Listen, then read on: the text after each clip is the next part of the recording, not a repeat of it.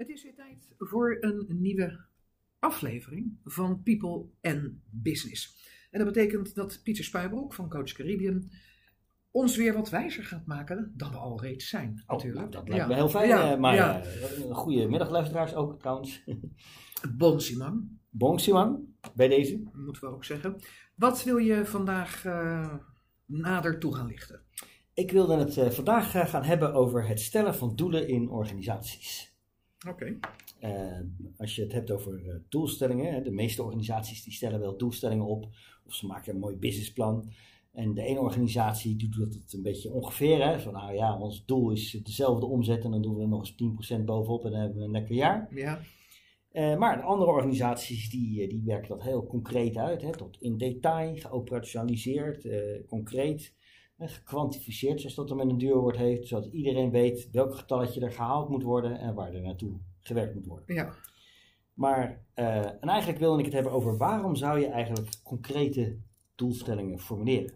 Ja, en heb je het dan over de, de hele organisatie aan zich? Van nou, daar komt één concrete doelstelling. Of ieder poppetje krijgt een concrete doelstelling? Nou, dat is een, eh, dat is een hele interessante vraag. Je, eh, als het goed is, dan begin je natuurlijk op organisatieniveau.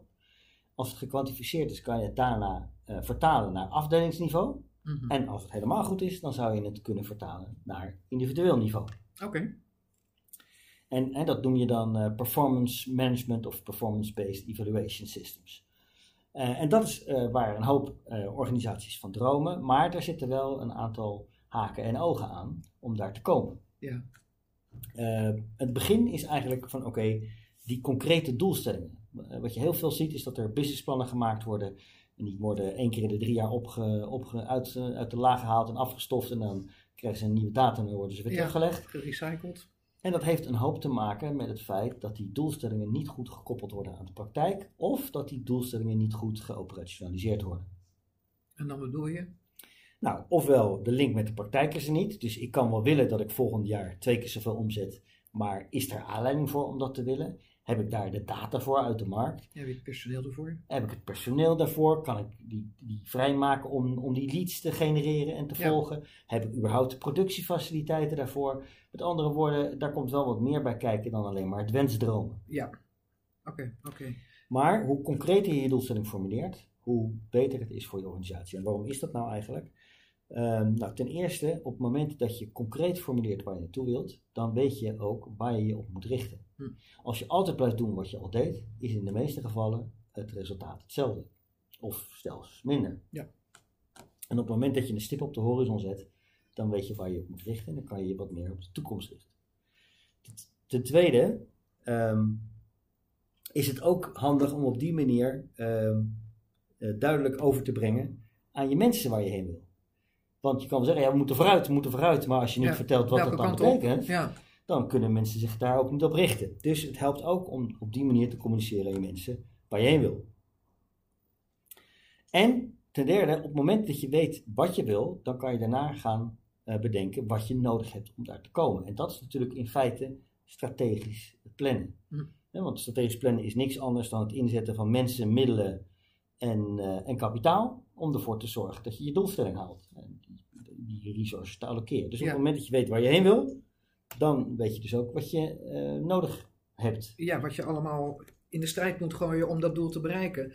Dan heb je natuurlijk wel, wat we de afgelopen eh, tijd hebben, dat er van alles en nog wat in de wereld gebeurt. Wat je natuurlijk niet meeneemt in je plan, want het overkomt ons allemaal. Ja. Kan je dan tussentijds zeggen van nou, eh coronaatje er tussendoor, bommen gooien in de Oekraïne tussendoor.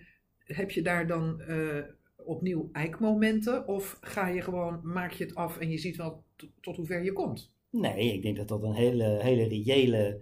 eh, eh, wat je zegt is heel reëel. Nee, je moet regelmatig natuurlijk afstemmen en dynamisch plannen. Ja. Er zijn altijd onverwachte omstandigheden waar je op in moet spelen. En hoe flexibeler je bent als organisatie, hoe meer je daar rekening mee houdt, hoe wendbaarder je wordt en hoe meer overlevingskansen je krijgt als, als Ja, want je moet natuurlijk sowieso schakelen, bijvoorbeeld in, in, toen met corona. eh, je moet schakelen, het kan niet anders. Ja, Dus, dus je wordt in feite ook gedwongen om alles aan te passen. exact. Ja. Ja. Ja. En, en dat is heel mooi, want er is onderzoek ondertussen daar naar gedaan. En leniency, hè, dat is een, vrij vertaald veerkracht Ja. van zowel je medewerkers als je organisatie. Die een hele be- bepalende factor voor eh, succes. En hoe word je lenient? Door gewoon heel concreet met je doelstellingen bezig te zijn. En te bedenken hoe je er kan komen. En wellicht dus ook wat voor alternatieven je hebt. Ja. Dus dat. Nou, wat ook wel belangrijk is, is op het moment dat je een doelstelling heel duidelijk stelt, dan geef je je medewerkers ook de mogelijkheid om zich ermee te verbinden. Als zij zich herkennen in het doel wat jij stelt en zij kunnen die doelstelling onderschrijven, dan zullen ze eerder gemotiveerd zijn Mhm. om die doelstelling na te leven. Dan als ze denken dat je alleen maar op winst uit bent Ja, of eh, alleen maar eh, eh, voor die Hawaii-reis aan het sparen bent voor jezelf. En dat is lang Ja. leuk niet dan op het moment dat je zegt, nou jongens, we willen, eh, we willen de beste worden in de markt. Want we willen onderscheidend vermogen aanbrengen. Dat willen we op die manier gaan doen. Daar willen we dan zijn. Daar hebben we dit voor nodig. Oh, daar wil ik wel onderdeel van uitmaken. ja, Dus je geeft mensen de kans om zich te verbinden aan jouw doelstelling. ja. En te laten zien wie ze zijn en wat ze kunnen. En Ja. dat je daar uiteindelijk zelf ook beter van wordt. Ja, dat. Ja, dat. Ja. En last but not least, op het moment dat je een concrete doelstelling hebt om naartoe te werken, dan kan je bijvoorbeeld ook ervoor zorgen dat de omgangsvormen die er binnen het bedrijf zijn, ook in dienst staan van de doelstelling die je wil halen. Nou, Als je bijvoorbeeld een makkelijk voorbeeld daarvoor, als je kijkt naar overheidsbedrijven die vaak eh, eh, meer procesgericht zijn dan resultaatgericht, Ja. dan zie je bijvoorbeeld dat de dynamiek daar vaak heel anders is dan in organisaties die gewoon eh, moeten overleven door winst te maken. En dan zie je dus ook dat de rationale is, maar we moeten wel zorgen dat we allemaal brood op de plank houden. Ja. En dat is, heeft een heel gezond effect op de normen en waarden binnen de organisatie. Dus hoe beter je je doelstellingen stelt, hoe gemakkelijker je ook kan zeggen, nou Pieter, eh, het is misschien fijn dat jij om vijf over vijf zegt dat het niet meer bij je taak hoort, maar realiseer je wel dat we dan onze doelstelling niet halen. Dat, eh, dus dat we daarmee eigenlijk achter gaan lopen door het feit dat jij niet mee wil helpen. Ja. Dus met andere dat is ook nog een manier, als het ware, om de gewenste normen en waarden binnen je organisatie scherp te stellen. Oké. Nou, dat zijn eigenlijk eh, eh, de- tips van het waarom. Als je ze maakt, maak ze zo meetbaar mogelijk. Hè, dat zijn de zogenaamde smart doelstellingen. Oké. Dus dat is specifiek, meetbaar, acceptabel, realistisch en tijdgebonden. Oké. Dus specifiek als probeer het zo concreet mogelijk te Je maken. krijgt allemaal taken en... Ja, meetbaar. Heb ik het wel gehaald? Heb ik het niet gehaald? Ja. eh, et cetera. Acceptabel. Is het iets wat je kan, waarvan je denkt, dit kan ik? Of moet je binnen, hè, eh, binnen een dag naar de hemel eh, opstijgen en terug? Ja. als het niet acceptabel is, dan lukt het niet. Realistisch, hetzelfde verhaal. Hè? Is het realistisch van, kan, kan het überhaupt? Hè? Ja. Kunnen we volgend jaar twee keer zo groot zijn? En tijdgebonden. We willen over een jaar, willen we daar staan op deze manier.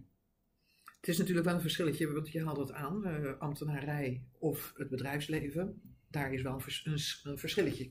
Hè, bijvoorbeeld de Belastingdienst nu op het eiland. eh, erg veel achterstand.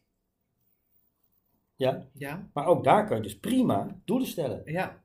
En hoe beter je doelen stelt, Maar ja, ik, ik bedoel, we, we- we weten allemaal, of we zien allemaal eh, loketjes die leeg zijn. We zien allemaal loketjes met mensen erin die niets doen. Gewoon omdat er niemand voor hun loketje komt te staan. Ehm, ja, worden daar dit soort gesprekken gevoerd? Doelen gesteld en gecheckt of ze ze gehaald worden? Ik denk het niet. Ik denk niet, maar de vraag is, moet je dat die mensen achter dat loketje kwalijk nemen? Nee, nee, nee. nee Of maar moet je het functioneren, het, ja, het functioneren van, van het systeem. Ja, ja, de, Ja. De, de, rationele doelstelling is denk ik soms ver te zoeken. Ja. Ja. Ja, en dat is jammer. Dat is heel jammer. Ja. Oké, en dus als mensen eh, hulp willen hebben Ja. om strategisch te plannen, Ja, maar ook om de planning gewoon operationeel te maken hoor. Daar Oké. willen we ook best eh, bij helpen. Dan, eh, of om evaluatiesystemen te maken, zodat mensen individueel eh, geëvalueerd kunnen worden op de doelstelling die ze halen. Dat kunnen we ook prima. En daar helpen we graag mee als Coach Caribbean. oké, Pieter, top. Dankjewel. Tot volgende week. Tot volgende week.